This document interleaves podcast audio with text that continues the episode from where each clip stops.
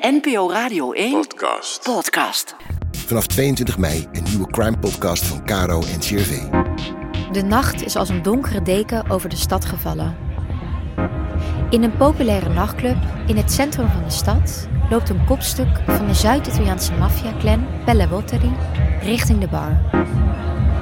Hij wil een drankje bestellen als hij plots opschrikt van luide pistoolschoten. De dansende clubgangers stuiven op en maken dat ze wegkomen. Hij ziet twee leden van een andere maffiafamilie wegglippen. Eentje heeft het pistool nog in zijn hand. De man kent de jongens en voelt zich opgelaten. Hij verdwijnt direct weer, weg uit de club. Waar dit gebeurde? Niet in Zuid-Italië, maar gewoon in Amsterdam, bij ons in Nederland. Een podcast over de meest gevaarlijke maffia-organisatie van Italië, de Ndrangheta.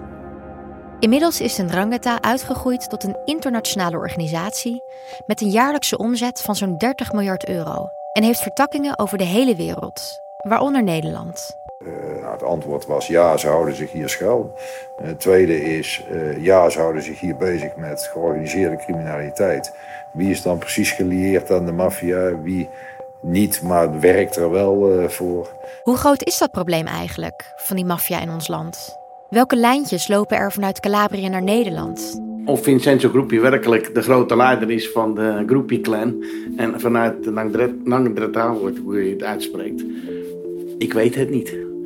Ik hoor heel veel verhalen. Ze hebben bij één vrachtwagen hebben ze een keer cocaïne gevonden onder de stoel van de chauffeur. En bij de dieseltank van de chauffeur. Dat zegt niet dat hij er niks van af weet.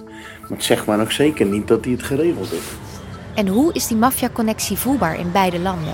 Ja, dat was ook weer zo'n hele grote begrafenis hè, van een familie die ook duidelijk bekend is. En duidelijk laten zien, wij zijn hier, dit zijn wij.